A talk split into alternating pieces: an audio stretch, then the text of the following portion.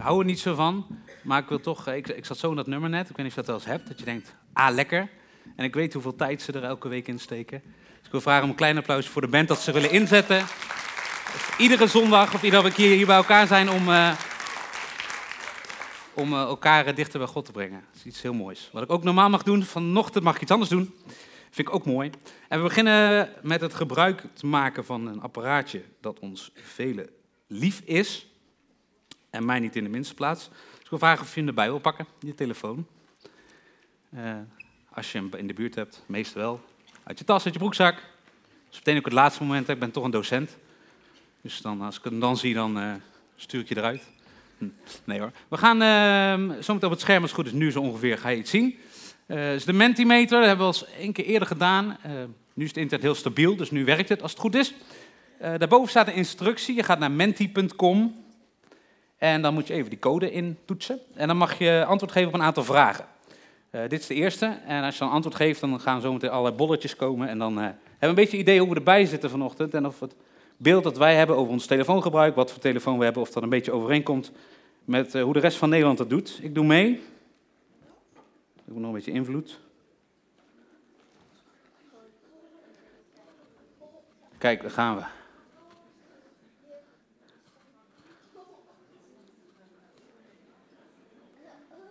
Dat vindt Nokia niet leuk hoor. Ah, eentje, kom. Als je werktelefoon hebt, kan je er twee doen, hè?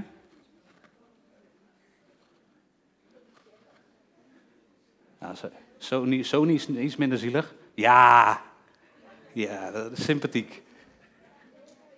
Dan moet wel diegene met een Nokia na afloop even naar me toe komen. Want dit kan ook het sympathisme, sympathie zijn. Sympathisme, sympathie zijn. Oké. Okay. Oh, ah. Ja. Ja, iPhone wint, hè? Ja. Nee, denk het, denk het niet. Net niet. Nou even heel snel de bolletje stelt. Nee? Ja, uh, voor het beeld. Prima, we komen nog achter. Dus we gaan, mag door naar de volgende. volgende Op welke sociale mediakanalen ben je actief? Kan je er meer aan vinken? Hebben we daar een beetje een beeld van?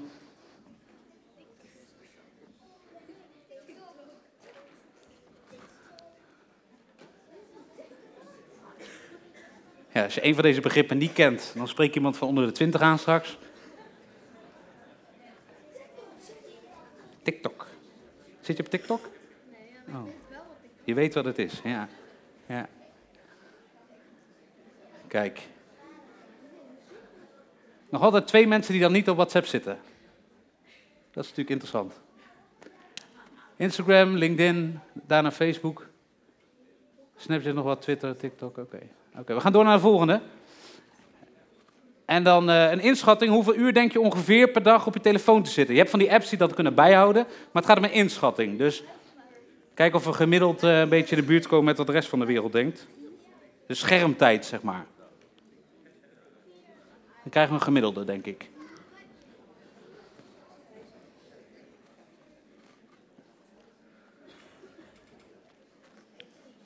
Hmm.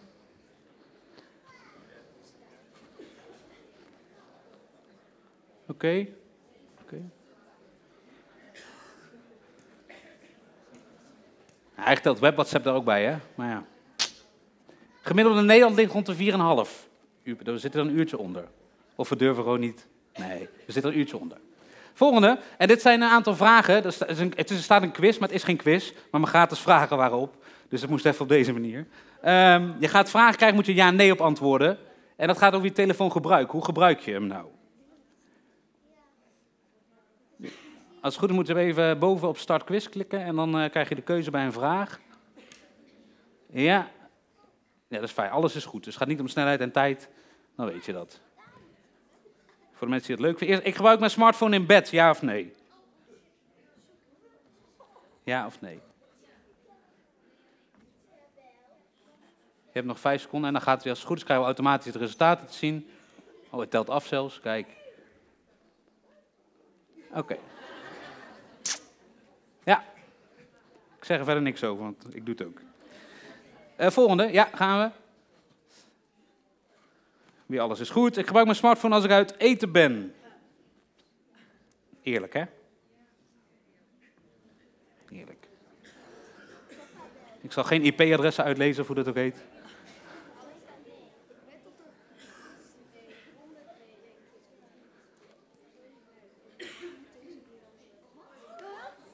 Oké, oké.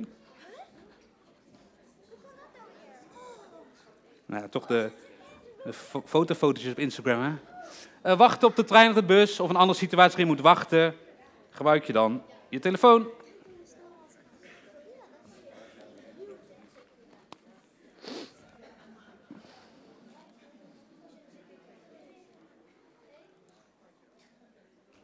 Zo, kijk. Ja. Volgens mij doen we het redelijk volgens het gemiddelde. Ehm, ik gebruik mijn smartphone op de fiets. Eerlijk, hè?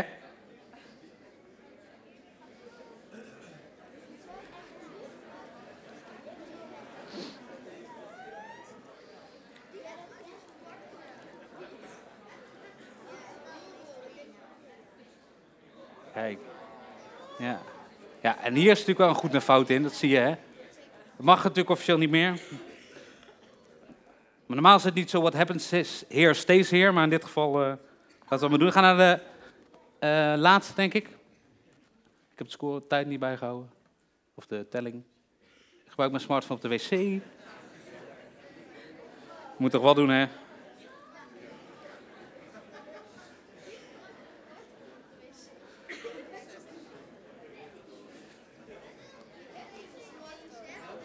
Ja, is laatste. Hey.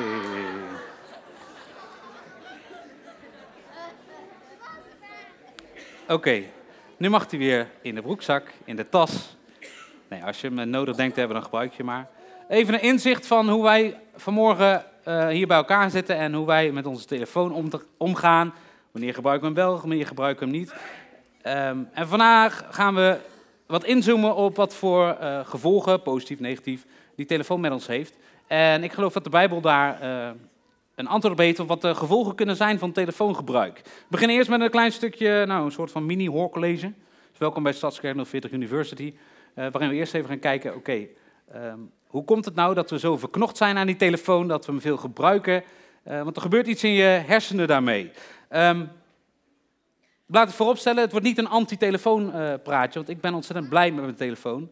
Ik gebruik hem voor veel dingen, uiteraard voor het appen, fotootjes, Instagram, Facebook, eh, betalen in de winkel, vind ik ook handig. Als ik mijn portemonnee de auto heb laten liggen bijvoorbeeld. Ehm, geld overmaken naar andere mensen, tikkies. Nou, kortom, ik ben blij met mijn telefoon. Google Maps als navigatiesysteem. En dat maakt het leven een stukje makkelijker. En toch vinden wij, merken we met z'n allen, ik denk als ik aan je zou vragen, herken je dit? Dat je, eh, wat ik vandaag ga vertellen, dat je wel ja daarop gaat zeggen. Eh, en natuurlijk spelen bedrijven daar ook op in. We gaan even kijken naar een reclame van een, eh, een telefoonbedrijf, een, eh, een provider, zo kan je het noemen. Die eh, ook inspelen hierop. Dus kijk mee, ik denk dat je het wel herkent.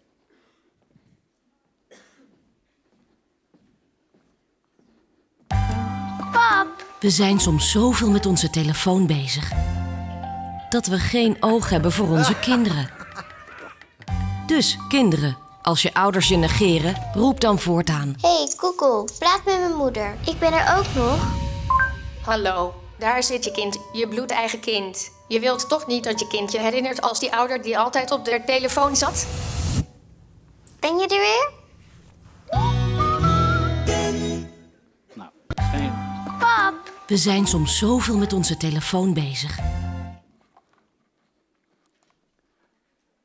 Oh, komt hij dan nog een keer? Nou, dan laat ik deze lekker staan. Daar ga ik zoiets over vertellen. Ehm, ik ga geen moralistisch verhaaltje houden van, oh, doe je telefoon weg, het is niet goed wat je doet. Eh, want dan heb ik het vooral tegen mezelf. Want als er iemand is die aan zijn telefoongedrag kan werken, dan ben ik het wel. Ehm, ik ben even de, de, de literatuur ingedoken rondom wat onderzoeken. En het eh, mooie is dat er eigenlijk niet zo heel veel te vinden valt, nog harde cijfers over de gevolgen van telefoongebruik, van smartphonegebruik. En dat de doodeenvoudige reden dat er nog niet zoveel informatie is, omdat we die apparaatjes nog niet zo heel lang gebruiken. Dus op de lange termijn kunnen we nog niet echt zeggen wat het met ons doet. Toch zijn er wel wat eh, getallen te noemen. Uit de onderzoek uit november 2019 van Drie Vraag, dat is een onderdeel van het uh, Eén Vandaag Opiniepanel, dat televisieprogramma, hebben ze onder 1400 jongeren tussen de 16 en 34 een onderzoek afgenomen over telefoongebruik. Uh, en hier zie je die belangrijkste cijfers die eruit komen. Dat van die 1400 jongeren 33% aangeeft zelf al verslaafd te zijn aan die smartphone. En ook ziet 84% wel eens een verrijking in hun leven. En vooral dan op het gebied van contact hebben met de ander. En de mogelijkheden om snel informatie te vinden.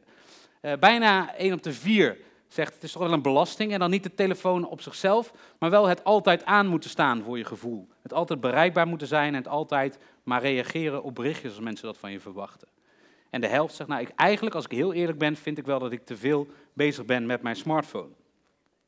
Om aan te geven dat het niet een, per se een jongerenprobleem is, uh, gaan we nog even naar een filmpje kijken. We gaan luisteren naar Tico. Tico is 17 en die heeft in het onderzoek meegedaan en dat heet Jongeren gaan gebukt onder fanatieke smartphoneouders. Um, om aan te geven, dit is echt iets wat voor alle generaties speelt, het gebruik van de telefoon. Uh, dus kijk even mee en luister naar wat Tico zegt over het gebruik van de telefoon door zijn ouders.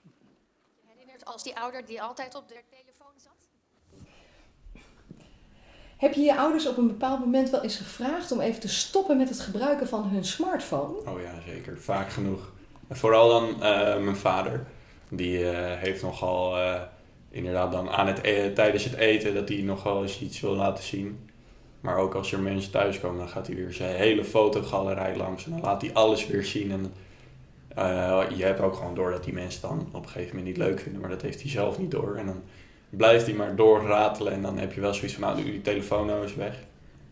Ik vind inderdaad, als, je, als, je iets, uh, als ik iets aan mijn ouders vraag, dan zeggen ze ja, is goed, ik kom zo bij. En dan over een half uur, dan zitten ze nog steeds op de bank met die telefoon uh, te Facebooken. En dan uh, zeg je wel eens van, nou, doe die telefoon eens weg en kom me nou eindelijk eens een keertje helpen. Want het irriteert me wel een beetje soms. Ja, en hoe reageerden je ouders dan als je dat, als je dat verzoek had, reageerden ze meteen? Of?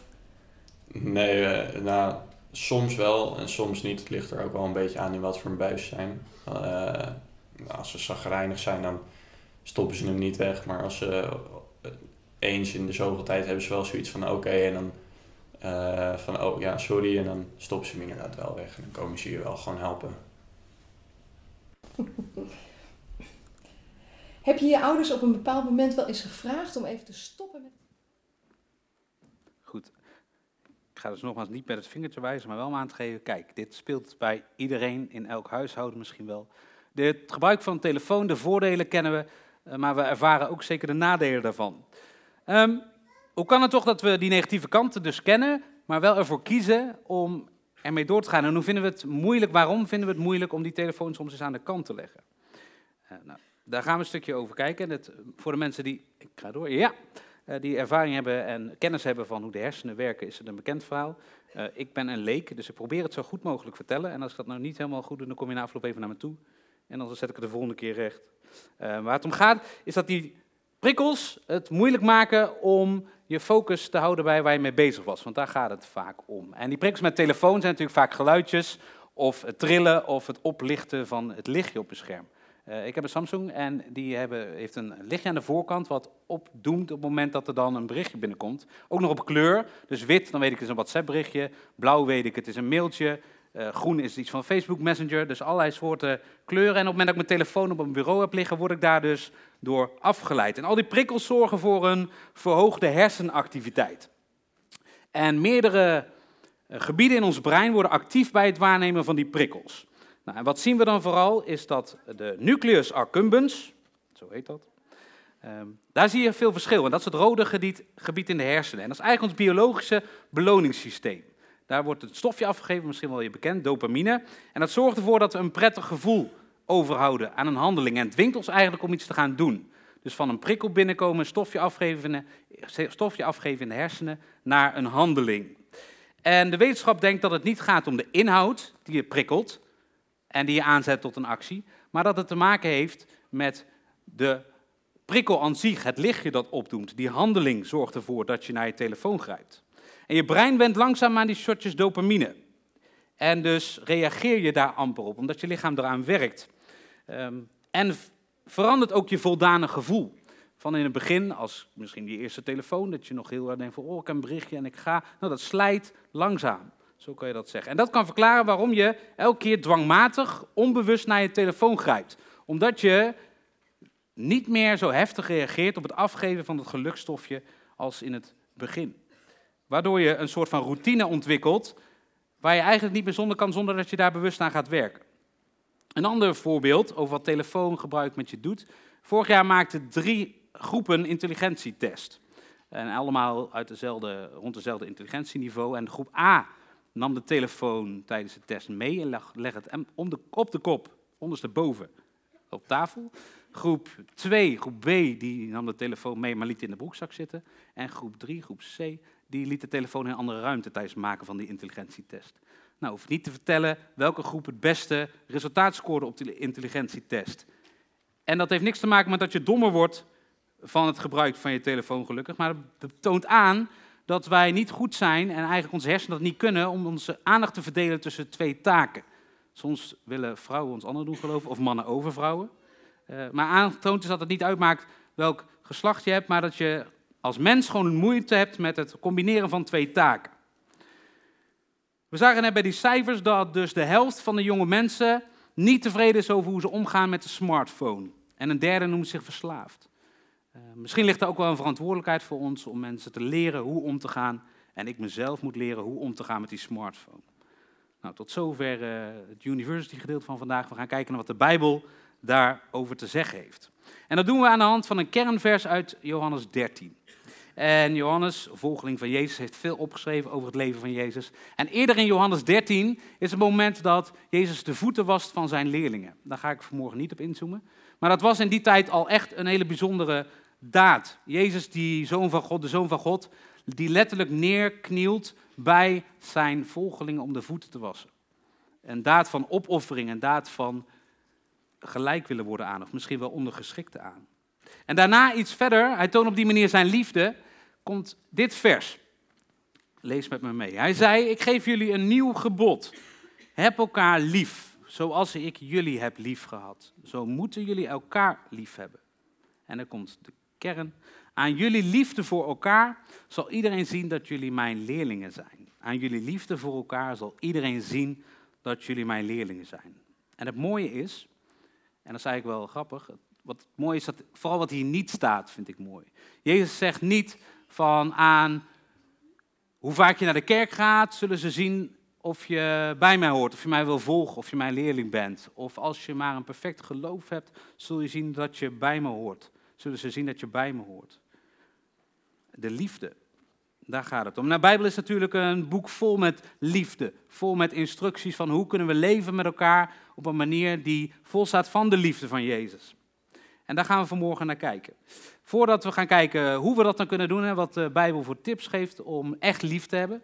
Uh, twee zaken rondom uh, die technologie en wat voor invloed die heeft vooral op relaties. Want als je kijkt naar jongeren en het onderzoek, geven ze zelf aan dat ze merken dat het invloed heeft op nachtrust, telefoongebruik. Dat het invloed heeft op school bijvoorbeeld.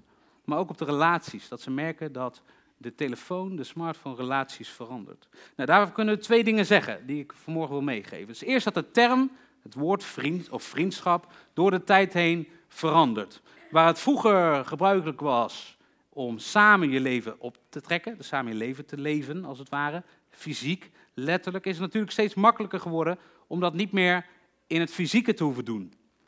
Um, Willeke Alberti, zangeres, uh, geloof 75 geworden geloof ik in januari. En, en een, prijs gewonnen, een Oeuvreprijs. Heeft een liedje uitgebracht, misschien, misschien wel haar meest bekende lied. Uh, samen zijn. En de, het refrein van het lied, misschien ken je dat. Samen zijn is samen lachen, samen huilen.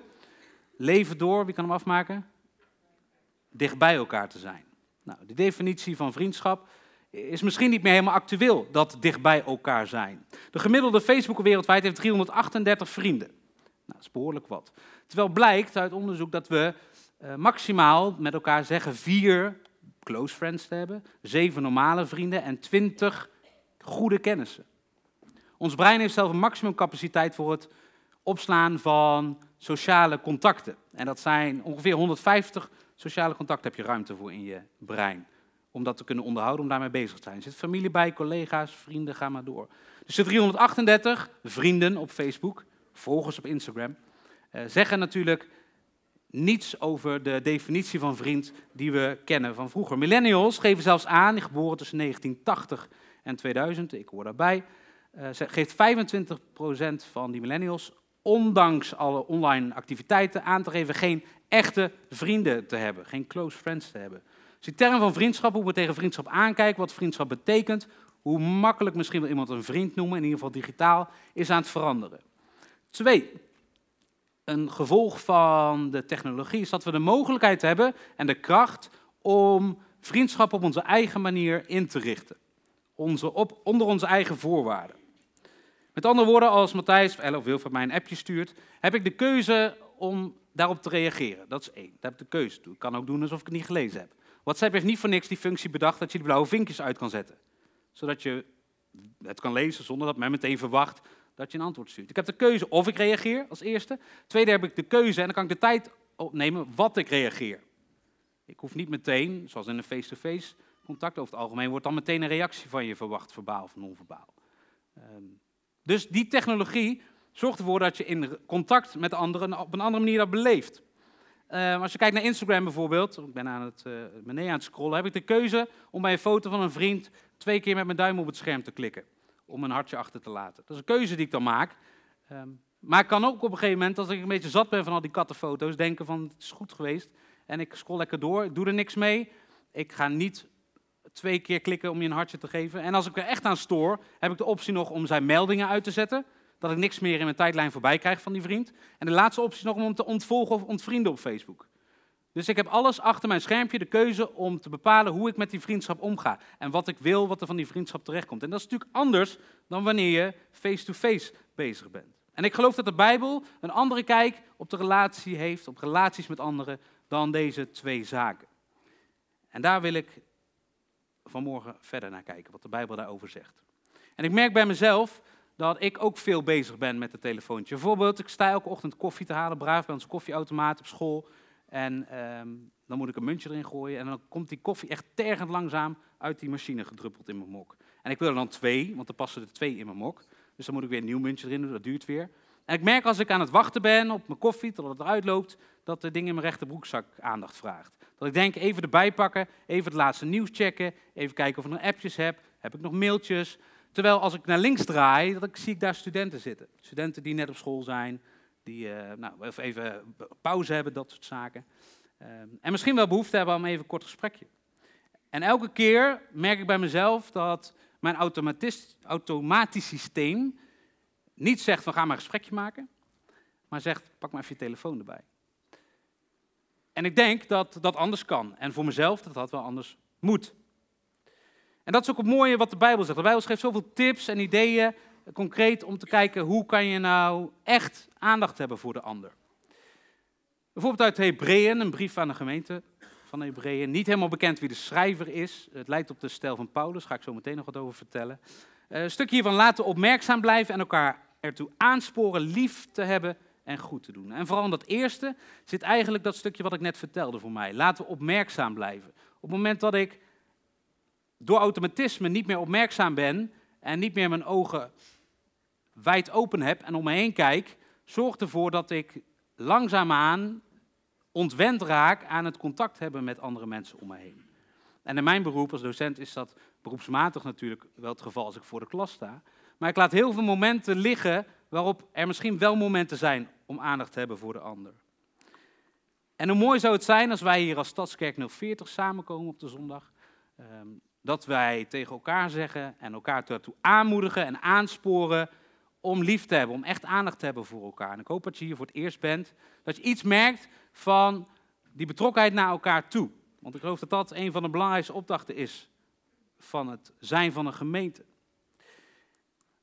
Als je het vers verder leest, staat er, en in plaats van weg te blijven bij onze samenkomsten, zoals sommigen doen, elkaar juist bemoedigen. En dat des te meer naarmate u de dag van zijn komst ziet naderen. Dat gaat over de komst van Jezus. Ehm, juist samenkomen, juist elkaar ontmoeten, elkaar aankijken, betrokken zijn en elkaar aansporen om goed te doen. Er zit kracht in samen zijn, kracht in elkaar ontmoeten. En dan gebeurt er iets op zo'n plaats. Zoals we hier vanmorgen met elkaar samenkomen om het goed te hebben met elkaar, maar ook om God te aanbidden door muziek, door gebed, door elkaar. Het mooie is dat God zijn liefde niet vanuit de hemel naar ons toeschreeuwde. Hij zei, ik hou van jullie. Nee, wat tegen God? God ging op pad, als je het zo mag zeggen. Die aanwezigheid liet hij letterlijk zien door met Jezus, in Jezus, naar de aarde te komen. Doordat Jezus mens werd, zoals wij, met onze emoties die wij ervaren, met de dingen die wij ervaren, om ons op te zoeken, om bij ons aanwezig te zijn. En hij liet het zien. Hij hield van de mensen waarvan de meeste mensen zullen zeggen, nou, ik loop een blokje om. Hij dineerde met belastinginners, in die tijd niet echt een populair beroep. Hij dineerde met hoeren, met zondaars, met zieken die vermeden werden. Hij liet het praktisch zien. Hoe kan ik nou lief hebben? Hij toonde zijn liefde op aarde. Er zit kracht in aanwezigheid. Nou, laten we eens praktisch worden en kijken hoe we dat dan met elkaar misschien meer zouden kunnen doen. Ik wil je twee gedachten meegeven, wat de Bijbel over ons zegt, over die intieme relaties. Hoe we nog intiemer kunnen worden met de ander. De eerste, ben echt aanwezig. Ik wil je aanmoedigen om echt aanwezig te zijn. En dit gaat wel om het fysieke. Niet van duim tot duim, maar van oog tot oog. Paulus, een van de stichters van het christelijke geloof in Europa, ehm, schrijft in Romeinen 12: Laat uw liefde oprecht zijn. Verafschuw het kwaad en wees het goede toegedaan. Heb elkaar lief met de innige liefde van broeders en zusters en acht de ander hoger dan uzelf. Laat uw liefde oprecht zijn. Dus niet belangstelling tonen omdat het moet, omdat het hoort, maar laat het van een diepere bron komen. En ik geloof dat die bron Jezus is. Doe wat goed is. Hou van elkaar met de liefde van broers en zussen. Heb respect voor de ander. Stel, een vriend, familielid is, uh, heeft pijn. En dat kan uh, vanwege medische redenen zijn. Dat kan vanwege het ontslag zijn in de relationele sfeer. Op school gaat het niet goed. Dan heb je een aantal opties om daar iets mee te doen. Nou, laten we optie 1 noemen, de acceptabele manier. Je zou naar je telefoon kunnen grijpen en diegene een berichtje kunnen sturen. Met er iets in tekst van, uh, weet dat ik aan je denk. Nou, dat is natuurlijk hartstikke acceptabel en sympathiek. Ik vind de woorden, weet dat ik aan je denk, vaak een beetje leeg. Want ja, als ik dat ontvang, dan denk ik, weet dat ik aan je denk. Leuk, bedankt dat je aan me denkt. Maar heb ik niet zoveel aan. Dus mocht ik nou, mij nou iets overkomen en je wil een bericht sturen, dan mag je sturen, weet dat ik voor je bid. Want als christenen, en als christen geloof ik dat bidden het effect geeft van, of meer effect heeft en het effect heeft op herstel, op, om te kunnen dragen dan ik denk aan je. Tweede, dus één acceptabele manier is een bericht sturen. Er is niks mis mee, want je kan het ook niet doen. Tweede manier, gaan we een stapje hoger, is dat je die telefoon gebruikt waarvoor die eigenlijk gebruikt had moeten worden in het begin, toen we nog niet konden appen, is om te bellen. Eh, ik merk bij mijn studenten uh, dat die eigenlijk bijna niet bellen. Die hebben een soort van belangst ontwikkeld. Omdat ze niet meer hoeven te bellen tegenwoordig. Want had je vroeger een vraag en je kon dan contact opnemen met een callcenter van een bedrijf als een bestelling niet goed was, dan moest je bellen. En nu kan je chatten, WhatsApp. Dus alles gaat niet meer per se via de mondelinge manier. een stapje verder dan een berichtje is natuurlijk het mondelinge. Elkaar even horen en elkaar stem horen, elkaar stem verstaan.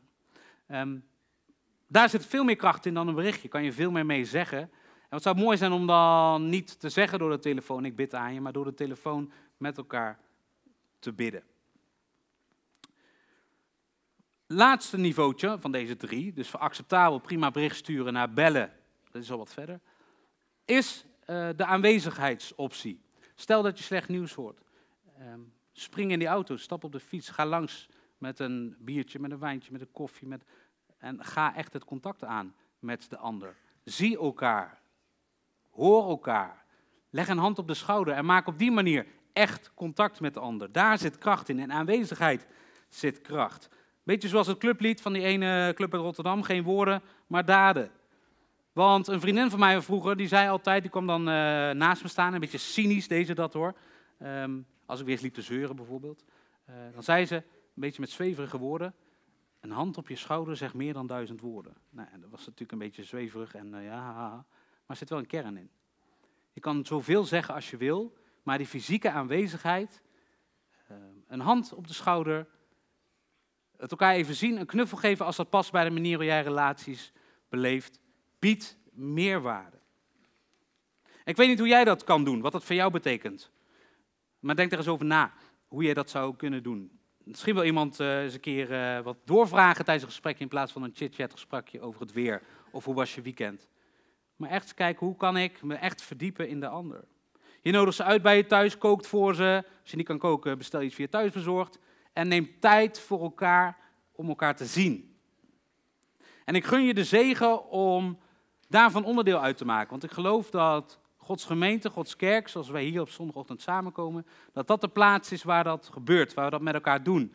Tijd maken om te investeren in elkaar. We hebben live groepavonden waarin we elkaar ontmoeten, waarin we elkaar het leven delen met elkaar, waarin we voor elkaar zorgen om verder te komen. Tweede punt. Dat is leuk zo aanwezig afwezig bordje, hè? Ehm, ben echt betrokken. Naast fysiek aanwezig zorg ervoor dat je emotioneel aanwezig bent. Petrus zegt, sorry, staat eronder, heb elkaar voor alles in het lief. Voor alles. Dus als basis van alles wat je doet. En dan ga je automatisch verder dan alleen maar die chit-chat gesprekken over het weer, over het weekend, over wat er op tv was geweest. Waarschijnlijk heb je het wel gezien als je in een restaurant loopt en je ziet een gezin zitten aan tafel, zeg twee kinderen, vader, moeder. En ieder is bezig met zijn eigen ding. Of op de telefoon, maar ieder is bezig in het eigen wereldje. Wel bezig met hetzelfde te doen op hetzelfde moment, fysiek aanwezig, maar de betrokkenheid mist. Bedenk eens hoe uh, lomp het is als wij in gesprek zijn met elkaar en jij vertelt iets tegen mij wat je moeilijk vindt om te vertellen. En vervolgens pak ik mijn telefoon en ga ik even een appje sturen of een mailtje checken, want dat komt in één keer in me op en moet ik nog doen. Wat voor reactie geef ik dan? En toch doen we dit ongemerkt. Ik doe het ook. Ik merk het aan het einde van mijn lessen. Op het moment dat ik een les aan het afronden ben, dan ben ik mijn tas aan het inpakken, dan ben ik bord aan het uitvegen, kabels opruimen van het scherm en zo. En dan komt wel eens een student naar voren en die wil dan even wat delen. Ik kan over de les gaan, een vraag stellen of iets persoonlijks delen. En wat ik dan doe, terwijl de student daar staat, dan ben ik zo het bord aan het uitvegen. Dan ben ik mijn tas aan het inpakken en de student praat maar door. En ik keer letterlijk mijn rug naar de student. En dat doe ik niet omdat ik niet geïnteresseerd in hem ben, maar gewoon omdat ik me er niet bewust van ben. Omdat ik mezelf niet meer train om echt aandacht te hebben voor de ander. En dat is iets waar ik wil in verbeteren. En op het moment dat ik geen tijd heb, want dat kan natuurlijk zijn ogen, hij heeft geen tijd voor me, dan moet ik leren om aan te geven, hey, nu komt het even niet uit, maar vanmiddag heb ik tijd voor je. Die non-verbale dingen ligt voor mij een enorme winst te behalen. Was ik een gesprek met mijn collega, ben ik aan het werk, komt de collega naast me staan om iets te delen, ga ik met een schuin oog toch verder op mijn laptop. En typ ik het mailtje toch af, terwijl de collega wat vraagt of iets van me nodig heeft. En daar ben ik me niet bewust van, totdat ik deze spreek ging schrijven. Johannes, weer, vind ik een fijne man, wat hij zegt. Verder ken ik hem niet. Kinderen moeten niet lief hebben met de mond, met woorden, maar met daden. Nou, ik denk dat Feyenoord hier het clublied van heeft. Dat zou mooi zijn. Um, ja, wat ligt daar een kant? Wat ligt daar een kracht om te laten zien dat je bij Jezus wil horen of bij Jezus hoort? Liefhebben met daden. Houd niet alleen van wat ze posten, maar hou van de mensen om je heen zoals ze zijn. Raak betrokken bij hun leven, want in aanwezigheid zit kracht. En wat zou het mooi zijn als de sceptische wereld om ons heen zegt van ja, ik, ik weet niet of Jezus uit de dood is opgestaan, wat wij met elkaar hier geloven. Ik weet niet of Jezus echt de Zoon van God is, of God bestaat. Maar wat jullie christenen met elkaar hebben, hoe jullie met elkaar omgaan, wat jullie met elkaar doen, daar ben ik jaloers op, daar wil ik meer van weten. Wat een prachtige getuigenis, een manier om te laten zien dat je bij Jezus hoort, is dat.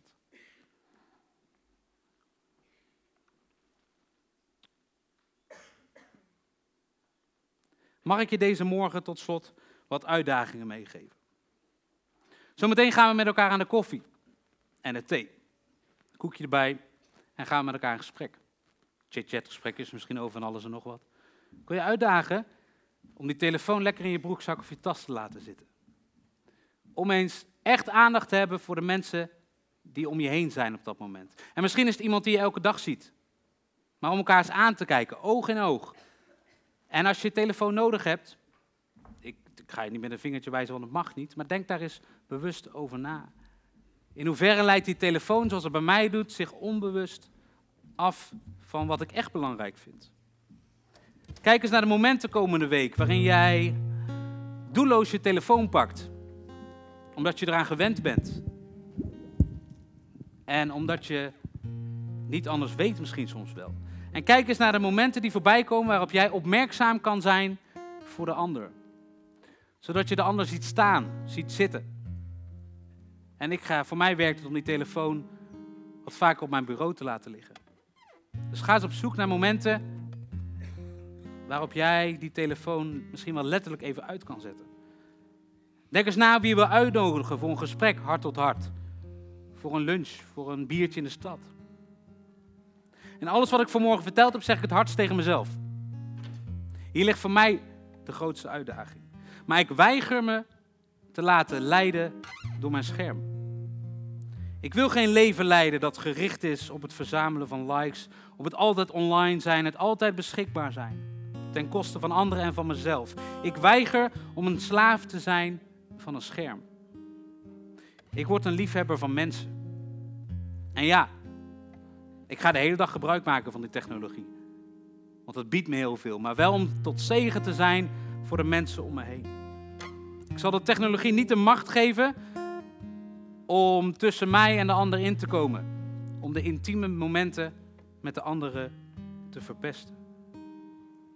Want toen God ons zijn liefde toonde, schreeuwde hij het niet vanuit de hemel. Ik hou van jullie en zoek het uit. Hij kwam naar de aarde. Hij stuurde zijn zoon naar de aarde om voor jou geboren te worden en om voor jou aan het kruis te gaan. Om voor jou te zeggen, het is goed, ik hou van je zoals je bent. Wat is een mooiere liefde dan dat? En ik wil je vragen om die liefde met open hart te ontvangen vanmorgen. En misschien doe je dat al 40 jaar. Misschien heb je dat nog nooit gedaan. En ik wens en gun je die liefde van Jezus in je hart. Want op het moment dat jij dat mag ontvangen en merkt wat die liefde van Jezus met je doet, zul je veranderend zijn voor jezelf en voor de mensen om je heen. Kijk je naar anderen door de ogen van Jezus. Maar geloof me, als je daar eenmaal van geproefd hebt, dan wil je niet anders. En zoals kinderen in de klas vragen om aandacht, met een hand omhoog. Zo vragen zoveel mensen om aandacht. En wat is het mooi als jij die aandacht kan geven. Door met open ogen, met een ogenblik, door de ogen van Jezus, vanuit zijn liefde, te kijken naar de mensen om je heen. En daar wens ik je ontzettend veel zegen bij. Want we hoeven het niet alleen te doen, we hebben Gods geest die met ons meegaat. Laten we daarover zingen met elkaar.